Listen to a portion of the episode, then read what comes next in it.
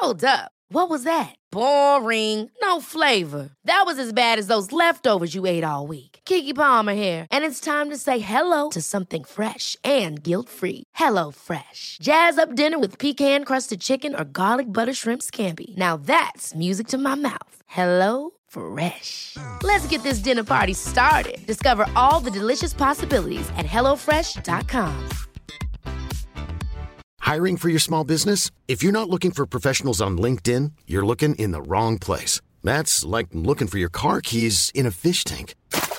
LinkedIn helps you hire professionals you can't find anywhere else, even those who aren't actively searching for a new job but might be open to the perfect role. In a given month, over 70% of LinkedIn users don't even visit other leading job sites. So start looking in the right place. With LinkedIn, you can hire professionals like a professional. Post your free job on linkedin.com slash people today. قبل ما نبدأ حلقة اليوم بنحب نشارككم ببودكاست المستجد. برنامج إخباري جديد بتنتجه صوت بنصغي فيه لخبراء ومختصين لنتناول أبرز التطورات.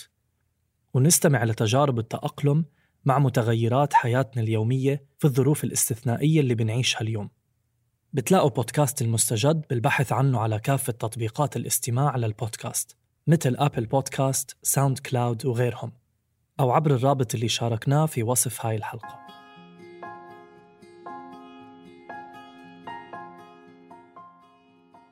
أنا حقيقة يعني حتى الألعاب عرفتها على سن ال 12 سنة. ما كنت عايش هاي الأمور لأنه كانت حياتي عبارة عن إنه أبوي متى بده يجي على البيت آه إنه موضوع خوف كان أعد الساعات إنه يا رب ما يجي هلأ. هذا هو كان موقفي تجاه أبوي. يمكن كتار منا قدروا يتخيلوا مع رغد وحمزة من الحلقة الماضية ذكريات وألعاب الطفولة والمساحات اللي كانت متوفرة إلهم وتدرجهم بفهم الحياة وتفاصيلها سواء عن طريق اللعب، المدرسة، الحارة أو حتى الأهل. لكن طفولتهم ما بتشبه بالضرورة حقيقة الحياة اللي بيعيشوها أطفال بعائلات ومجتمعات تانية وما بتعني إنه في صورة أو شكل واحد لشو بتعني كلمة طفولة. أنا سليم سلامة. بقدم لكم الموسم الخامس من بودكاست عيب من إنتاج صوت. بهالموسم.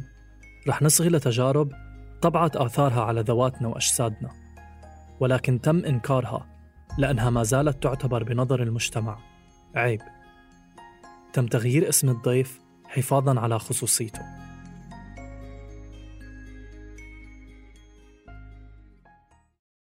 انخلقت في بيئة كان الوضع مكركب. من ناحية الأب ومن ناحية الأم اللي هي كانت مظلومة وما بتقدر إنه تحمينا بلشت أستوعب الأحداث إنه بعد ما صار عمري أربع سنين وأتوقع هذا عمر كثير مبكر أبوي صار يعنفنا بشكل كثير كبير. انولد آدم بشمال الأردن بعيلة مكونة من ست إخوان وخوات وأم وأب. أب بيحدد طبيعة حياة أي حدا تاني بالبيت وبيستمد نفوذه من كونه مصدر الدخل الوحيد لهالعيلة الكبيرة يلي كان أصلا الدخل فيها محدود جدا. الفترة اللي انولد فيها آدم كانت متزامنة مع تقاعد أبوه من عمله العسكري وتفرغه الكامل لعمله بمحلات الجاج اللي كان بيمتلكها بوقتها. على عمر مبكر بلش آدم يحس بمشاعر غريبة. منقدر نقول إنه صار عنده نوع من الذكاء العاطفي اللي خلاه يجس نبض اللي حواليه ويفهم طبيعة العلاقات بين الناس. بلشت أستوعب إنه أبوي شخص مو منيح من هديك اللحظة يعني بلشت إنه أستوعب إنه أبوي بني آدم جدا سيء. كبرنا شوي آه، صار عمري أتوقع ست سنين. كنت زي زي أي طفل بحب ألهو. بدي مثلا أكتشف الشارع بدي أكتشف العالم بدي ألعب. أنا حقيقة يعني حتى الألعاب عرفتها على سن ال 12 سنة لأنه كانت حياتي عبارة عن إنه أبوي متى بده يجي على البيت آه، إنه موضوع خوف كان إنه أعد الساعات إنه يا رب ما يجي هلأ. هذا هو كان موقفي تجاه أبوي. صار عمري 8 سنين. آه، صرت مدرك تماما للمحيط اللي حوالي. مين اللي بحبني مين اللي بيكرهني؟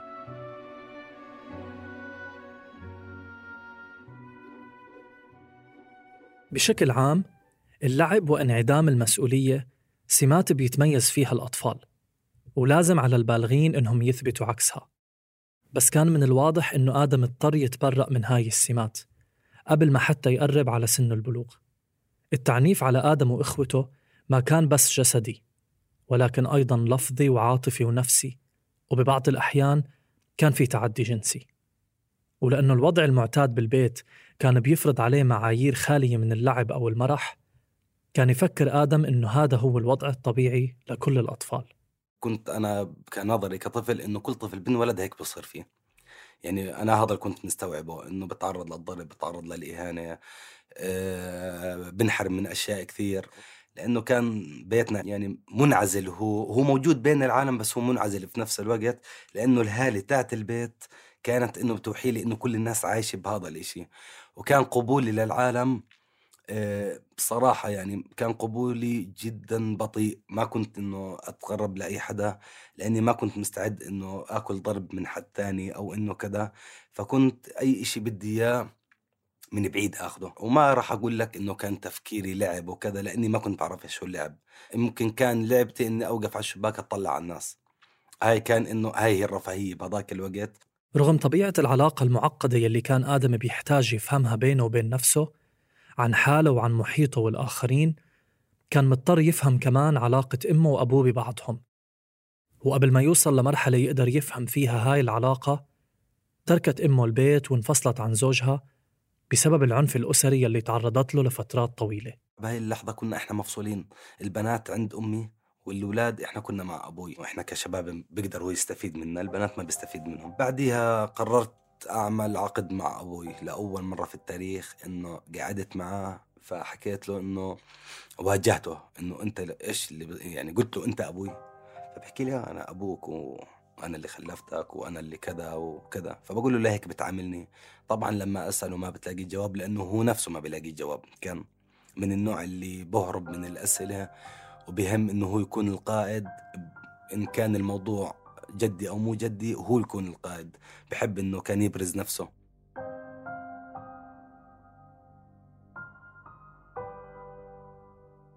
بعد ما تم الانفصال بين الزوجين بلش إخوان آدم اللي أكبر منه يشتغلوا مع أبوهم بمحلات الدجاج الحي. كانت هاي الفترة اللي باع فيها أبو آدم المحلات ورجع استأجرها مشان يخفف على حاله مصاريف. ولأنه آدم كان صغير انترك بالبيت. طبعا أنا كنت الصغير ما كان يطلعني مش من باب الخوف من باب العار إنه أنت راح تجيب لي العار ما بتقدر تشتغل ما بتقدر تنتج ما بتقدر تعمل أي شيء. كان طبعا يحبسني في البيت يسكر علي واضل أستناه لحد ما يجي بالليل اللي على أساس ناكل نعمل اشي لأنه هو كان مصدر الأكل للبيت. آه، بعديها بلش يوكلني بتكاليف البيت. فصار يجي على البيت ما يلاقيني بعمل اشي فحكى لي أنت فاشل في كل إشي في حياتك فأنت من اليوم طالع رح تصير تنزل معي على الشغل. نزلت معاه مجال العمل طبعا كان عمري ثمان سنين لما نزلت معاه. ما كنت بفهم إيش هو الشغل ما كنت بفهم إيش لازم أعمل ما كان يوجهني كان كله صراخ جيب جيب هاي أعمل هديك سوي قيم حط طبعا أنا ما أفهم ولا إشي بعديها قرر إنه يعلمني كيف أذبح الدجاج. علمني فبلشت أشتغل معاه وتشربت يعني مع الصنعة. ما بلشت احبها لا هو كان نظام خوف إني أرضيه إنه هيني بجيب لك دخل إنه مش زي ما أنت بتحكي قاعد. فصار يجي علي آه، شافني ببيع كذا بلش يشك فيي إني بسرق شغله. فبحكي له إنه هي الفلوس عندك وكل إشي وأنا فعليا ما بسرق. بلش في هذا الوقت إنه يعنفني قدام الزباين إنه زي كأنه مستأجرني أخدمه. طبيعة الحياة هاي ما طولت كتير. وجود آدم بالسوق وتعرضه للمجتمع الخارجي بهاي الفترة ولأول مرة خلاه يشوف إنه في احتمالات أوسع من المكان يلي كان محبوس فيه وبوقتها بلش يفك قيوده. وبالرغم من إنها محاولات طفولية إلا إنها كانت تجارب خلته يفهم شو بيقدر يعمل. صرت أهرب من عنده وصار هو يدور علي كل ما يجيبني أرد أهرب لمكان أبعد. آخر مرة هربت فيها قعدت ما يقارب فوق الأسبوعين مش موجود عنده. صرت أنام بكهوف بالشوارع أنام تحت بسطات الخضرة لما يسكروا. آه، أعمل أي إشي المهم ما أرجع له. بعديها لقاني إنه لقاني تحت بسطة خضرة. بعديها قرر يحبسني بالمحل إنه أصير أنام بالمحل. وبلشت هون حياتي الشاقة اللي هو ممكن بالشهر مرة كنت أتحمم. كونه ما في حمام في بالمحل. أه بلشت أعيش أكلي وشربي ونومي في المحل. آدم كان يشوف أطفال تانيين بيشتغلوا مع أهليهم بالمحلات ولكن مع هيك كان يشعر باختلاف. هم صحيح كانوا بيشتغلوا بعمر صغير بس كان عندهم امتياز مش متوفر له. المحيط اللي كنت أشتغل فيه محيط فاسد. مو أنا الوحيد اللي كنت بشتغل كصغير. كان الأب بيجيب ابنه يساعده بس الفرق بينه وبينه الأب بحبه بيعلمه صنعة قاعد بطريقة حضارية إنسانية مية بالمية. كل الناس أبهاتهم بيعلموهم وأنا ما عندي حد يعلمني. كانوا يعايروني بأبوي إنه يا ابن السكرجي كانوا يقولوا لي شو بتسوي هون؟ بس ممكن تعودت على الكلمة هاي. إنه تعود يعني صار الكلمة هاي إنه زي اسمي. مرافقتني إنه مين ما يقول لي إياها ما تأثر فيي لأنه بلدت من جوا صار عندي تبلد. المهم إنه خلص آخذ الفلوس وأروح على البيت. ممكن هي مش انعدام شخصية ممكن إنه تعود على شيء إنه كل يوم بسمع نفس الحكي كذا فصفى روتين عندي. زيه زي روتين شغلي. ممكن إذا ما سمعت أنا أتضايق.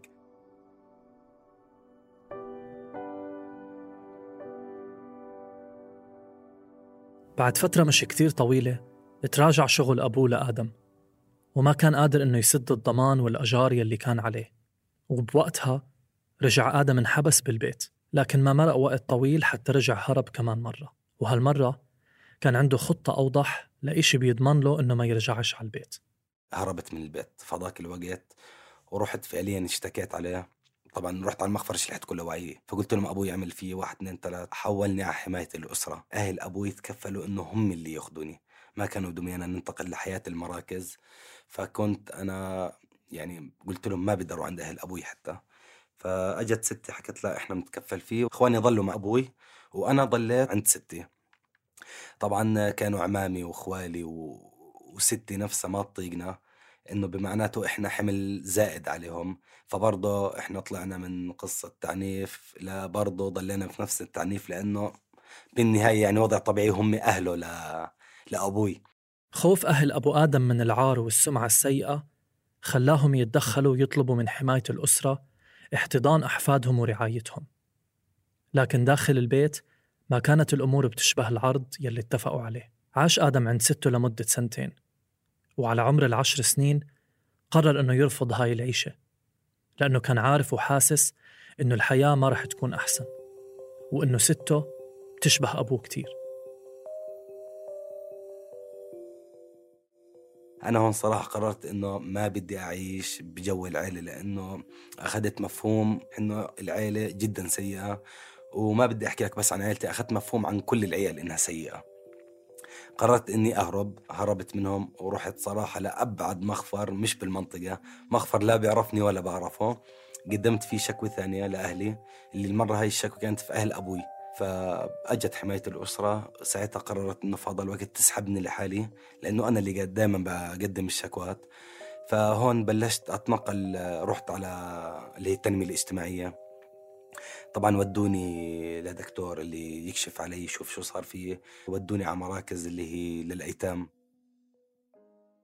عن طريق اللجوء لمخافر بعيدة عن سكن الأهل كان بحاول آدم يضمن عدم مقدرة أهله بالوصول إله أو التدخل بقرار حماية الأسرة.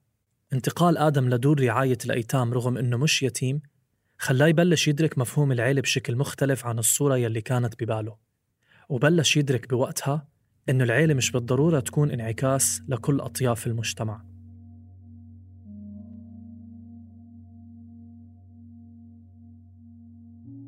بهاي اللحظة بلشت أدرك إنه أنا كنت تحت آه، هرم إنه أسرة آه، بقدر اوصفها بأسرة همجية كانت. فأنا ما إنه كان عندي موضوع حقد أو كذا كان عندي موضوع إنه أنا ليش قاعد بنهان؟ أنا صراحة بذاك الوقت هيك كان تفكيري. أه بلشت أحس إنه في ناس منيحة اللي هو مع الدكتور هو اللي خلاني يعني هو اللي هدى نفسيتي وهو اللي بلش يوعيني وبلش يشرح لي شو اللي صار معي يوعيني يقول لي أنت تعرضت ل لا ضرب ولا تعنيف أسري ولا كذا.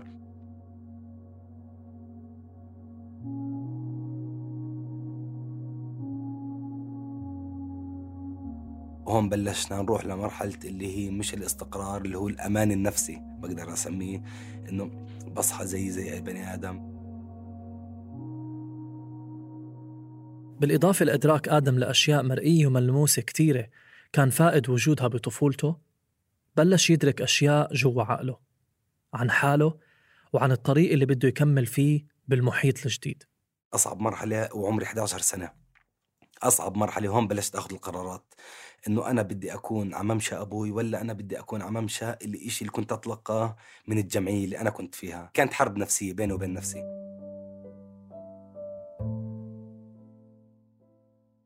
بلشت أنخرط بعالم إنه عالم ما بيشبهني تماما اللي هو عالم إنه أطلع رحلات أروح على الملاهي. ما كنت أشوف حالي في هاي الأماكن صراحة. إنه أنا مكاني كان بالشارع هيك بالنسبة لي. إنه شو أنا أصحى على تخت أروح آجي حد يحكي لي صباح الخير حد يلبسني حد يحممني. كان بالنسبة لي الموضوع حلم إنه أنا مو مصدق اللي بيصير معي.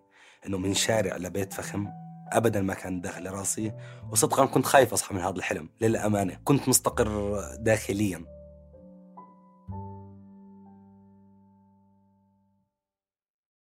هالأفكار بلشت توضح أكثر مع الوقت وطبيعة الحياة الجديدة خلت آدم يضل يقارن الماضي بالحاضر.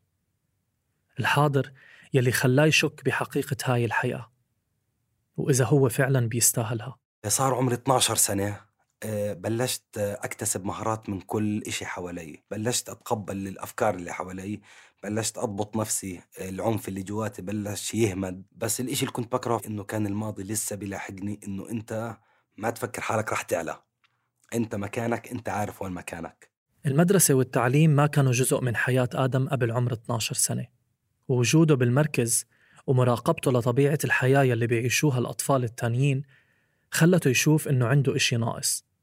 وبالرغم من إنه التعليم بمراكز التنمية الاجتماعية وحماية الأسرة إجباري للأطفال آدم ما كان مجبور إنه ينخرط بالمدرسة بأول مرحلة. بيوم وليلة قررت إنه صراحة أخذ اتجاه يعني هو الاتجاه اللي بحكي عنه هو الاتجاه اللي غير حياتي. قعدت مع نفسي آه، بكيت يومتها. صحيت ثاني يوم آه، قعدت مع المرشد النفسي. فحكيت له أنا عرفت مين أنا. قال لي مين أنت؟ قلت له أنا بني آدم حاب أتعلم. أنا بني آدم حاب أصير حاب أنخرط في المجتمع. كان في بالمدرسة مكان اللي هو يشوف قدرات الطالب. اللي هو لوين موصل إنه كيف فكره كيف بيستوعب ما بيستوعب بتذكر حطوني في غرفة فبلشوا يحكوا لي اقرأ وكذا قلت لهم أنا صراحة أول مرة بقرأ وكذا.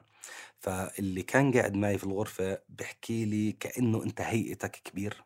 يعني هو لاحظ علي إنه أنا مو إنه صف أول. كان عمري 12 سنة طبعا لما دخلت صف أول. سكتت أنا ما عرفت أرد عليه. فالمشرف اللي معي اخذته برا الغرفة وحكت معه فسمعته من ورا الباب بيحكي هذا كثير كبير على طلاب صفه أنا ما بقدر أغامر وأخرطه معهم.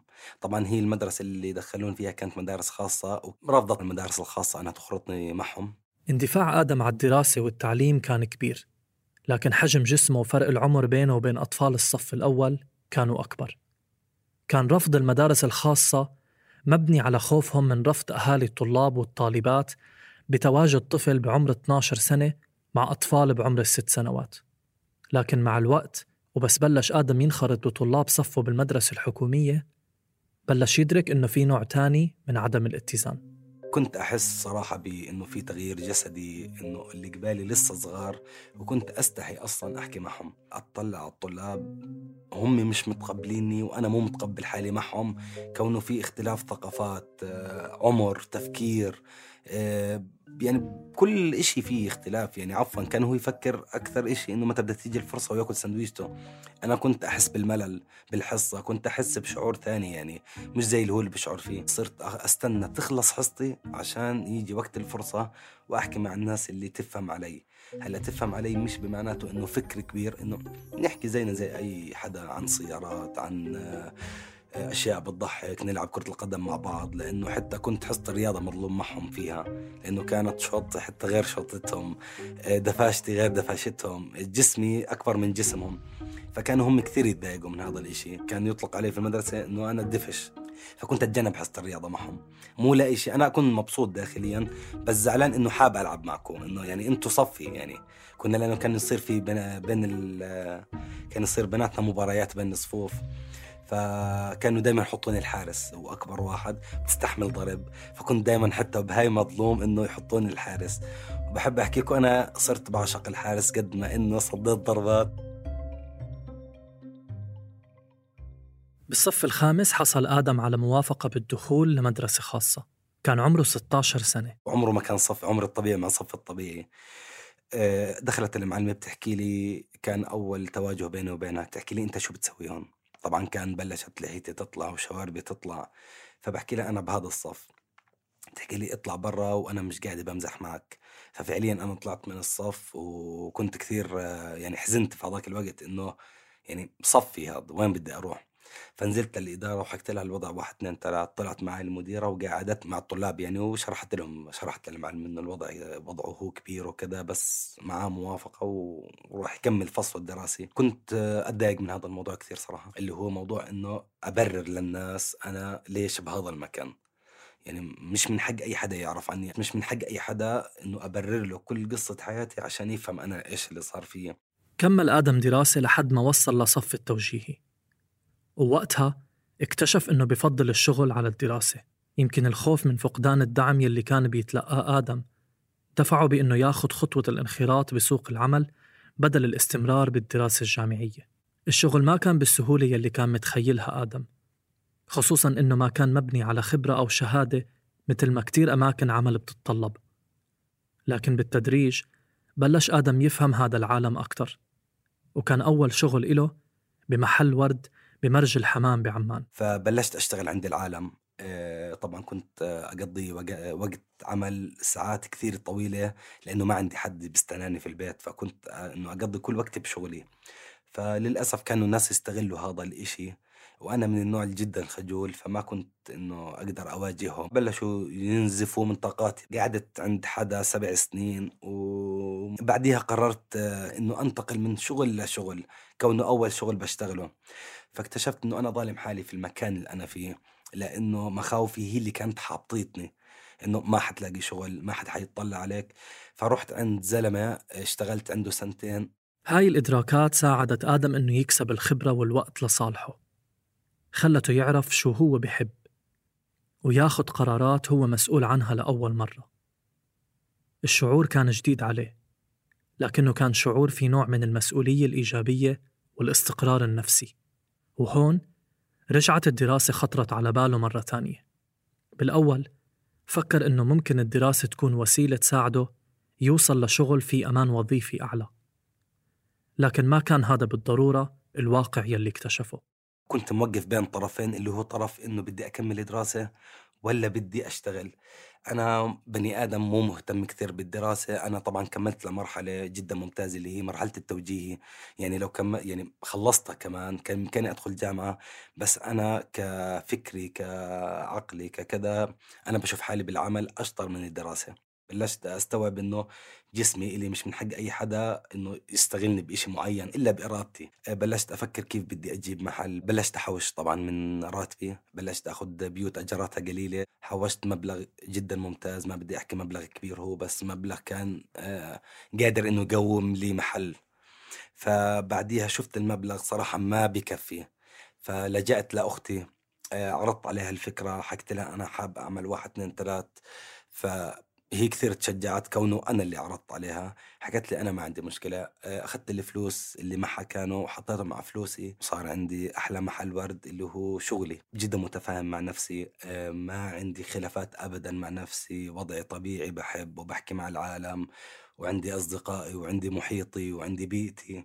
رغم التطور والحضارة اللي وصلنا لها لازلنا عايشين بعالم بيآمن بالبقاء للأقوى والقوي عادة بيكون إما الغني أو المؤثر أو ببساطة وبحرفية تامة اللي جسمه كبير. على الأقل هاي هي كانت المعادلة اللي كان العالم عم بيحاول يفرضها على آدم. لكن آدم كان يشك بهذا الواقع. ولو إنه في كتير مرات كان مفكر إنه هذا هو الواقع الوحيد الموجود. الشك فتح لآدم أبواب كتيرة. قدر من خلالها يطلع حاله من ماضيه وهذا يمكن بفضل إرادته وعدم قبوله بالمسلمات. لكن أيضا بفضل أشخاص ومؤسسات وأخصائيين كانوا مثله عم بيحاولوا يخلقوا معادلة بديلة. وهو في تناقض بين الناس أنا بالصراحة بشوف. يعني لما أكون صغير حتى لو كنت مبدع بشغلك كنت صغير بضلوا يحكوا عنك صغير. طب ما هو نفسه الصغير اللي كان يشتغل كنت تعايروه هيو كبر بس نظرتكم له هسا إشي ثاني. ممكن لأنه لبسي تغير أسلوبي تغير شغلي صرت أبيعهم فني بتلاقي المدح. ممكن الصغير برضه يكون مبدع. ما تحكم عليه كجسمه ككذا لأنه أنت بدك تحكم على العقل ما تحكم على الجسم. أنا هذا منظوري الشخصي. يعني وأنا صغير صح صغير كنت الكل إنه يستهين فيه بس صدقني العقل اللي كان عندي مستوعب كل إشي بصير.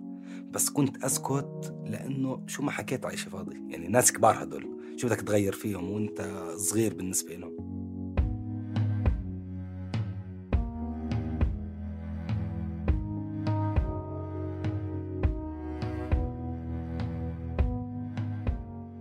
كنا معكم من الإعداد والتقديم سليم سلامة. من الهندسة الصوتية ماهر ملاخ. من التحرير والإخراج الموسيقي تالا العيسى. النشر والتوزيع تولته مرام النبالي وجنى قزاز. وشارك بإنتاج هالموسم فريق صوت.